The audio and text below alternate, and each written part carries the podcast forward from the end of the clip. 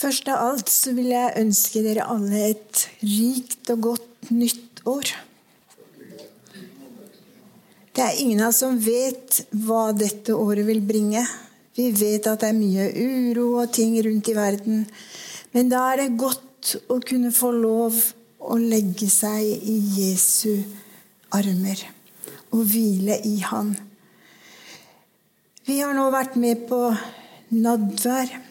Vi har vært med på å minnes Jesu død og hans oppstandelse.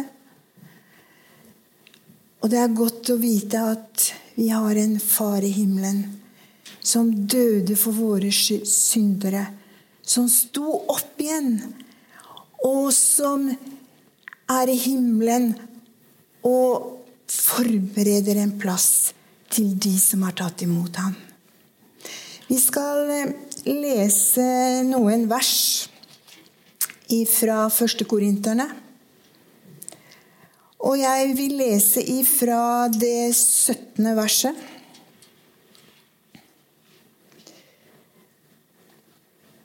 Da leser vi i Jesu navn. For Kristus har ikke sendt meg ut for å døpe, men for å forkynne evangeliet. Det ikke med talekunst og visdom, så Kristi kors ikke skal miste sin kraft. For ordet om korset er dårskap for dem som går fortapt, men for oss som blir frelst, er det Guds kraft. Det står jo skrevet:" Jeg vil ødelegge de vises visdom, og de klokes klokskap vil jeg gjøre til intet. Hvor er da de vise? Hvor er de skriftlærde? Hvor er denne verdens kloke hoder? Har ikke Gud vist at verdens visdom er dårskap? For da verden ikke brukte visdommen til å kjenne Gud i hans visdom, besluttet Gud å frelse dem som tror, ved den dårskap som vi forkynner. For jøder spør etter tegn, og grekere søker visdom. Men vi forkynner en korsfestet Kristus. Han er en snublesten for jøder og dårskap for hedninger. Men for dem som er kalt, både jøder og grekere, er Kristus Guds kraft og Guds visdom. For Guds dårskap er visere enn mennesker, og Guds svakhet er sterkere enn menneskene. Se på dere selv, søsken, dere som ble kalt. Ikke mange vise etter menneskelig mål, ikke mange med makt eller, eller av fornem slekt. Men det som i verdens øyne er dårskap, det utvalgte Gud for å gjøre de vise til skamme. Og det som i verdens øyne er svakt, det utvalgte Gud for å gjøre de sterke til skamme. Ja, det som i verdens øyne står lavt, det blir foraktet. Det som ikke er noe, det utvalgte Gud for å gjøre til intet det som, noe, som er noe. For at ingen mennesker skal ha noe å være stolt av overfor Gud. Dere er Hans verk i Kristus Jesus. Han som er blitt vår visdom fra Gud, vår rettferdighet, helliggjørelse og forløsning. For at den som er stolt, skal være stolt av Herren, slik det står skrevet. Jeg valgte å ta med alle disse versene vi går jo inn i en tid hvor vi skal gå igjennom Korinterbrevet. Og der er det mange interessante ting. Ordet om korset. En dårskap for den som går fortapt. Men for oss som blir frelst, er det Guds kraft. Dette var ting som Paulus poengterte. Og Vi skal se litt på Korint. Det var en, en viktig handelsby. Det var båter fra øst og vest som kom og la til der når de ikke ville seile ut i et åpent hav med mye stormer og uvær så kunne de gå inn i Korint, og der kunne de laste og loste varene som de hadde med. Korint var en aktiv by med mange forskjellige mennesker som kom, den var viktig for handel og for skipstrafikk. Og på den tiden så ble Korint regna som en storby. Den var større enn Aten. Og alle typer handelsfolk møtte man der. Det var sjømenn som ventet på oppdrag. Det var håndlagere på jakt etter arbeid. Det var handelsmenn, det var båtbyggere osv. Det var i hele tatt en veldig aktiv by. Alle yrkesgrupper så kunne en faktisk finne i denne byen. Korint hadde også et tempel. Tempel for Afroditte. Det var fruktbarhetens gudinne i gresk mytologi. Og dette preget mye byen. Og samfunnet var preget av tilbedelse, av ritualer som var knyttet til dette tempelet. Men det fantes også en kristen menighet i denne byen. Det var kristne jøder, og det var andre folkeslag med ulik bakgrunn som var i denne byen. Og disse skulle da prøve å fungere sammen. Og det var ikke alltid så lett. Det var ikke problemfritt. Og det var ikke rart at eh, Paulus sender dette brevet til dem med tanke på alle de forskjellige måter som de tenkte og handlet på. Det står i vers 10 om splittelse. Det står i vers 11 om stridigheter. De var ikke alltid enige i denne menigheten. Og 12, I vers 12 så leser vi at noen holdt seg til Paulus, og noen holdt seg til Apollo, og andre holdt seg til andre, og noen heldigvis holdt seg til Kristus. Det var i hele tatt en veldig spesiell menighet vi leser om her i Korint. Når jeg har sittet og lest dette kapitlet og lest om menigheten i Korint og sett litt fram og tilbake, så gir det meg også minner tilbake der vi arbeidet med mange folkeslag, med mange tankemåter, med mange forskjellige religiøse bakgrunner. Og det var ikke alltid lett. Og kristne brødre og søstre kunne kives, akkurat som vi ser i Korint. Kristne brødre og søstre kunne være veldig uenige på grunn av bakgrunnen de hadde. Og vi måtte be om Guds visdom og ofte tenke annerledes enn den europeiske bakgrunnen vi kom fra. Som kristne brødre og søstre er det godt å leve etter prinsippet som Paulus gir til menigheten. Han sier i første kapittel i 1. Korinterne 10, 23 Jeg har lov til alt, men ikke alt tjener til det gode. Jeg har lov til alt, men ikke alt bygger opp. Måtte vi lære det? Når Paulus skriver dette brevet, så er det også for å minne dem om at Kristus er den sentrale i evangeliet. Vi har hørt om, vi har vært deltatt i nadværen. Jesus er det sentrale. Han døde for deg og meg. Og vi trenger å la Han være det sentrale i menigheten. Det er Gud alene som gir vekst. Og vi trenger visdom og forstand til å fremme hans virke. Interessant er det å lese hvordan menigheten i Korint ble grunnlagt. Paulus hadde vært en tid i Aten. og Der var han stort sett alene. Han, etter en tid, Jeg vil bruke ordet 'kall'. Gud kalte han til å reise til Korint, som lå ca. åtte mil fra Aten.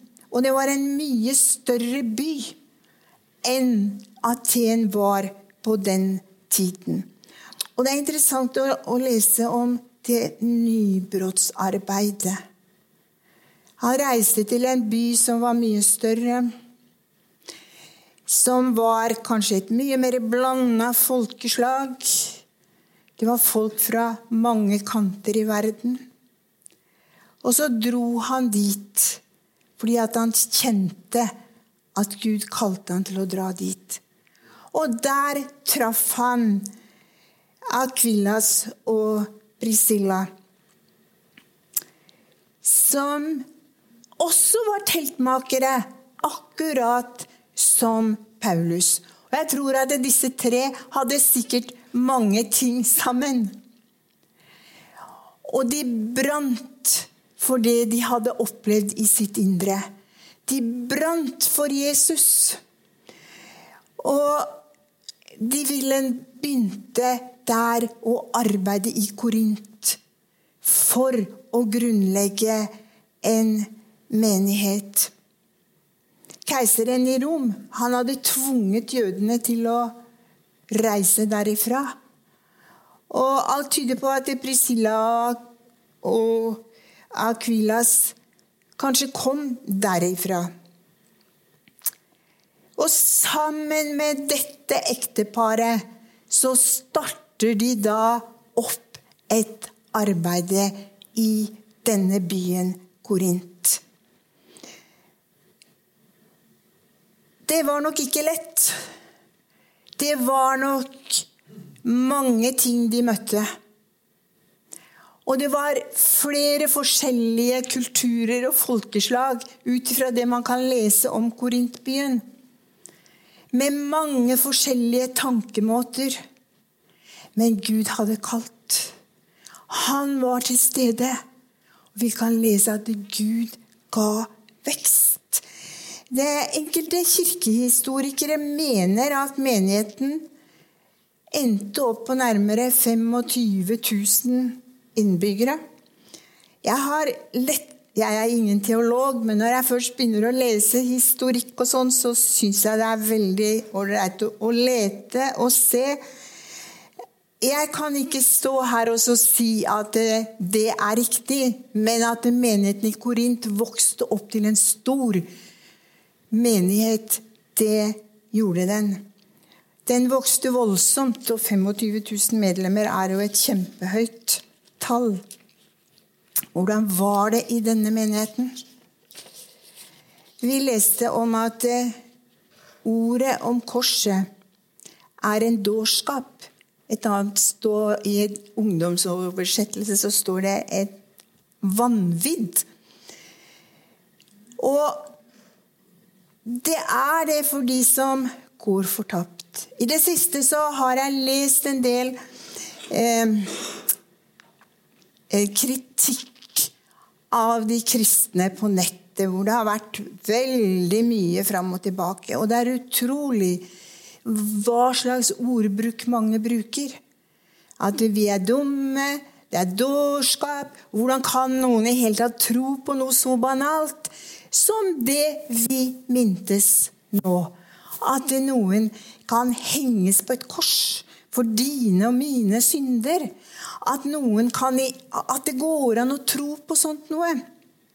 Og Jeg har også møtt det litt der hvor jeg går til fysikalsk behandling. Det er ikke alltid like lett å høre disse tingene. Hvor dumme vi er. At det går an å tro på sånt. At det går an å i hele tatt bygge livet sitt på noe så banalt at noen ga sitt liv, at noen døde for deg og meg, at noen sto opp igjen. Ja, det er jo helt vanvidd. Men så ser man at de som har tatt imot Jesus, de som har fått oppleve denne frelseren, de får et liv totalt forandra og forvandla. Jeg har sett hvordan familier har blitt forandra, hvordan personer har blitt forandra. Og vi har en gang opplevd hvor ei hel gate ble totalt forandra. Det er bare Guds verk som kan gjøre. I vers 26 så står det Men det som i verdens øyne er dårskap, det utvalgte Gud seg for å gjøre de vise til skamme. Og det som i verdens øyne er svakt, det utvalgte Gud for å gjøre det sterke til skamme. Gud tenker helt annerledes enn vi mennesker tenker. Han kaller den vi minst av alt hadde venta at Gud ville bruke så ser man det opp gjennom historien. Hvordan Guds verk har gått fram. Gjennom hans visdom og hans råd. All visdom er fra Gud. Han er kilden. En person kan ha mye kunnskap og forstand. Sansen for logikk høyt utviklet men om han setter mennesker i høysetet, som visdommen er knyttet til, da er det intet. Søk Herren etter visdom og nåde. Og i mange situasjoner opp gjennom årene har vi virkelig trengt visdom ifra Gud. Og vi har fått lov til å kjenne hvordan Han har stått med og gitt oss visdom og nåde. Så tenkte jeg på dette at det, det er ikke nok å vite hva som er Guds vilje i aktuelle situasjoner. En trenger også å vite hva en skal gjøre i den aktuelle eller de situasjonene vi møter på vår vei. Det kan være mennesker som er vanskelig. Det kan være situasjoner som er helt tilsynelatende håpløse. Men vi trenger å vite hva gjør jeg nå, Jesus? Gi meg visdom til dette. Vi opplevde mange ganger at vi trengte å vite når og hvordan Gud ville at vi skulle gå fram. Det var ikke alltid lett. Vi kom til et fremmed land. Vi hadde ikke så veldig mye kunnskap om landet vi kom til. På den tiden der så var ikke, i hvert fall på de vanlige bibelskolene man gikk på, så var det ikke så veldig mye undervisning om akkurat den biten. Og vi måtte virkelig be Herre hjelpe oss. Vis oss veien. Gi oss rett visdom og forstand ifra deg, som bare du kan gi, og nåde til å handle rett. Det var språkvansker, kulturforskjeller, tankemåter som var annerledes. Og vi trengte denne visdommen som bare Gud kan gi.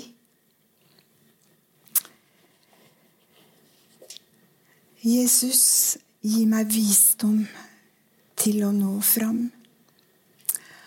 Og da har jeg nå i to dager sittet og tenkt på tiden i Amazonas, i Manaus, hvor vi fikk et så radikalt kall til å dra og åpne arbeidet i denne millionbyen.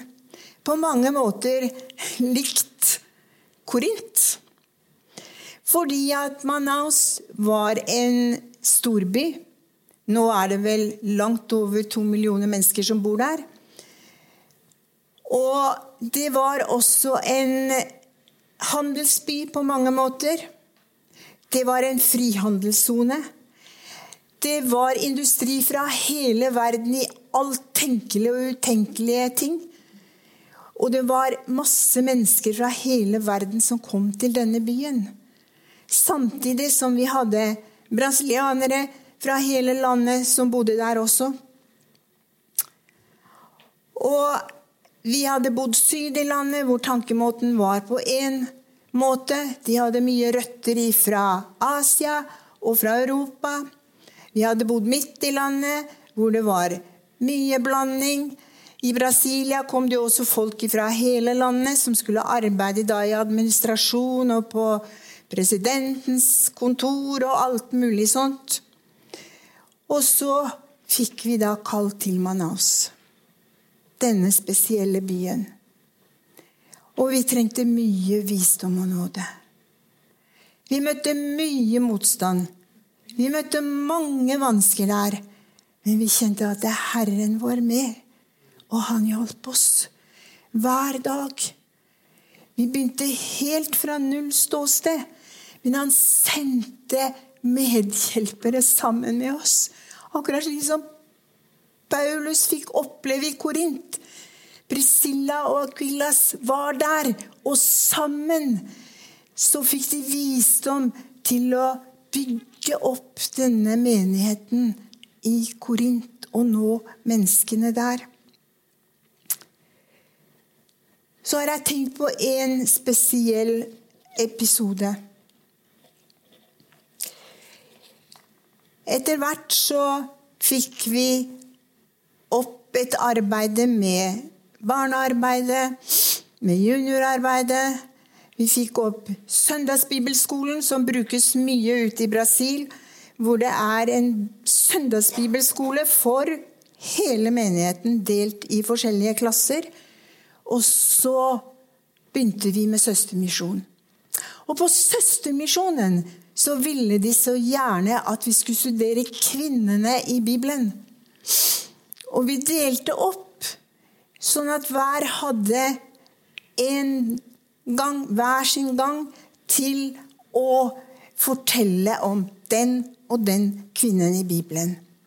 Og jeg hadde fått i oppgave at jeg skulle da fortelle om Maria, Jesu mor.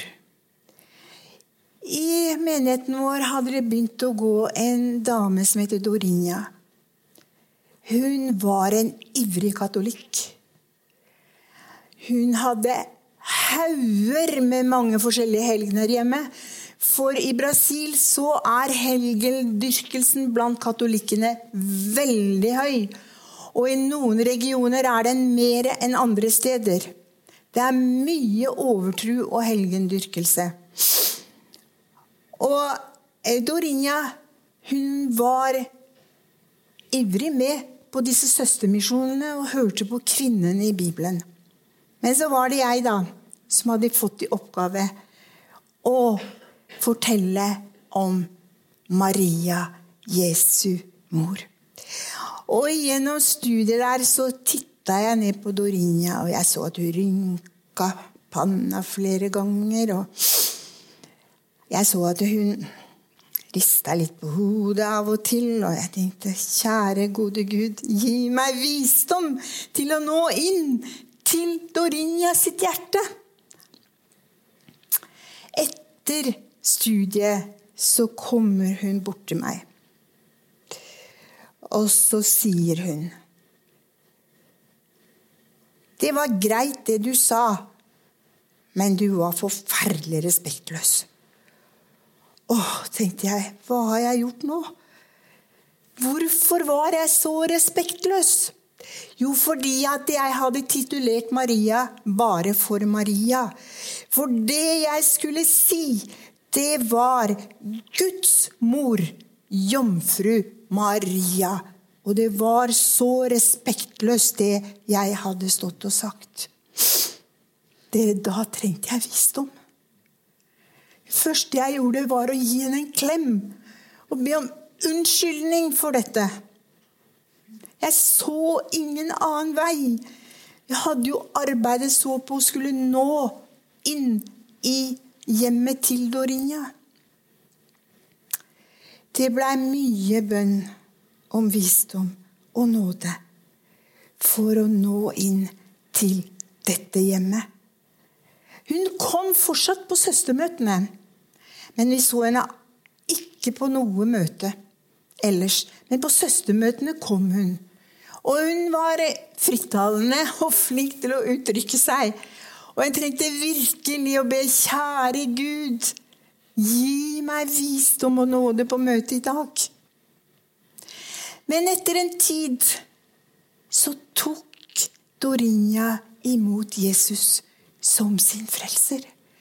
Og dere, hun samla sammen et titalls med helgener, avguder, og kasta dem rett ut.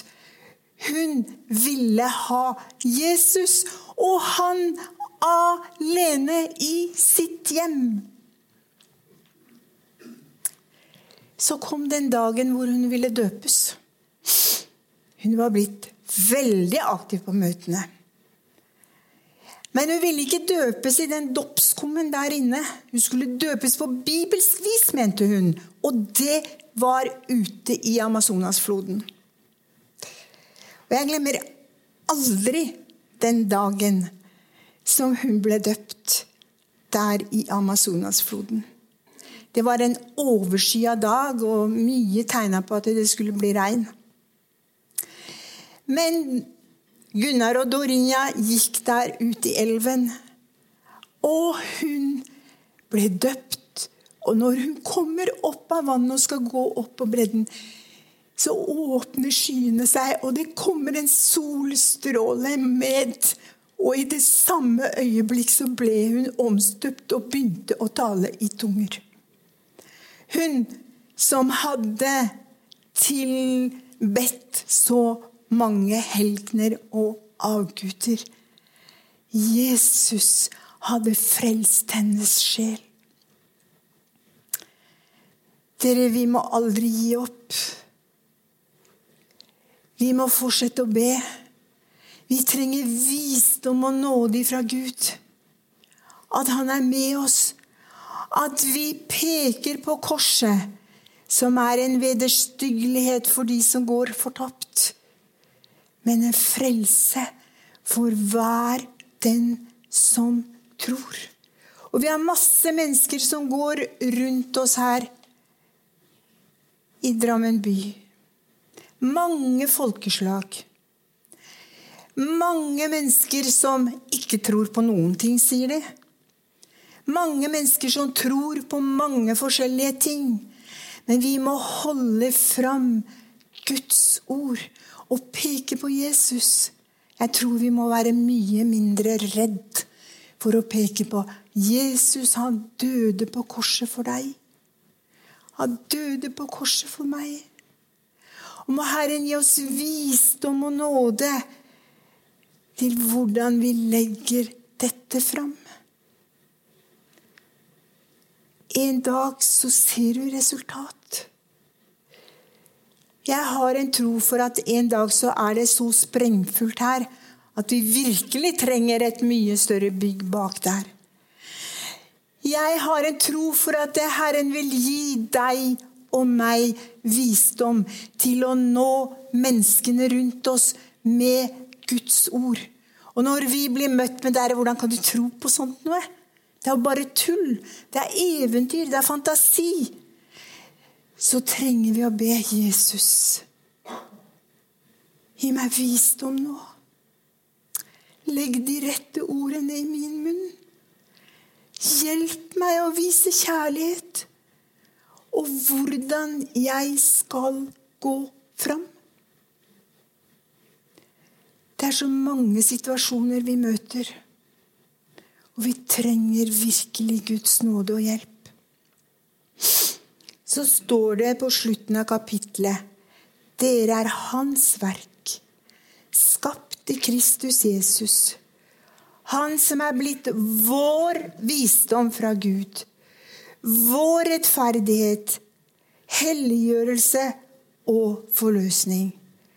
For at den som er stolt, skal være stolt av Herren, slik det står skrevet. At vi kan rose oss av Herren.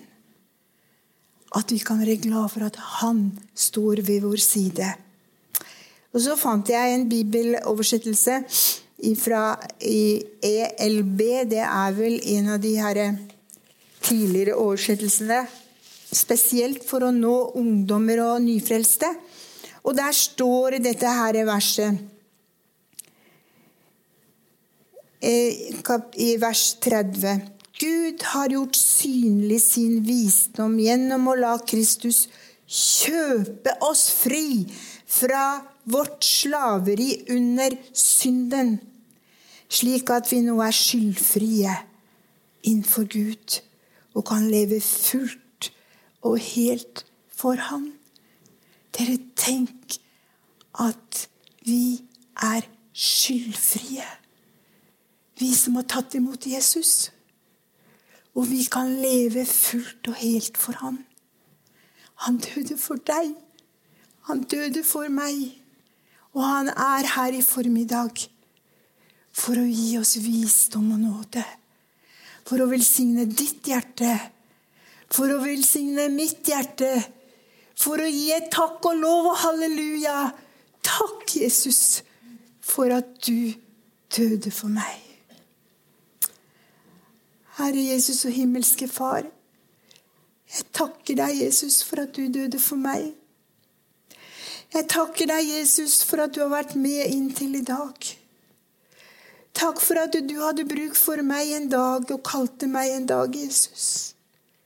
Jeg takker deg for denne menigheten og alle som sitter her, Jesus. Må du velsigne hver en her til stede rikt må det virkelig gå opp for oss, Jesus, at du døde for oss. At du har banet en vei til himmelen. Og at du lager i stand et sted for oss når vi en gang skal få komme og være sammen med deg for alltid. Takk for din godhet og nåde. Takk, Herre Jesus, for at du er her til stede. I Jesu navn. Amen.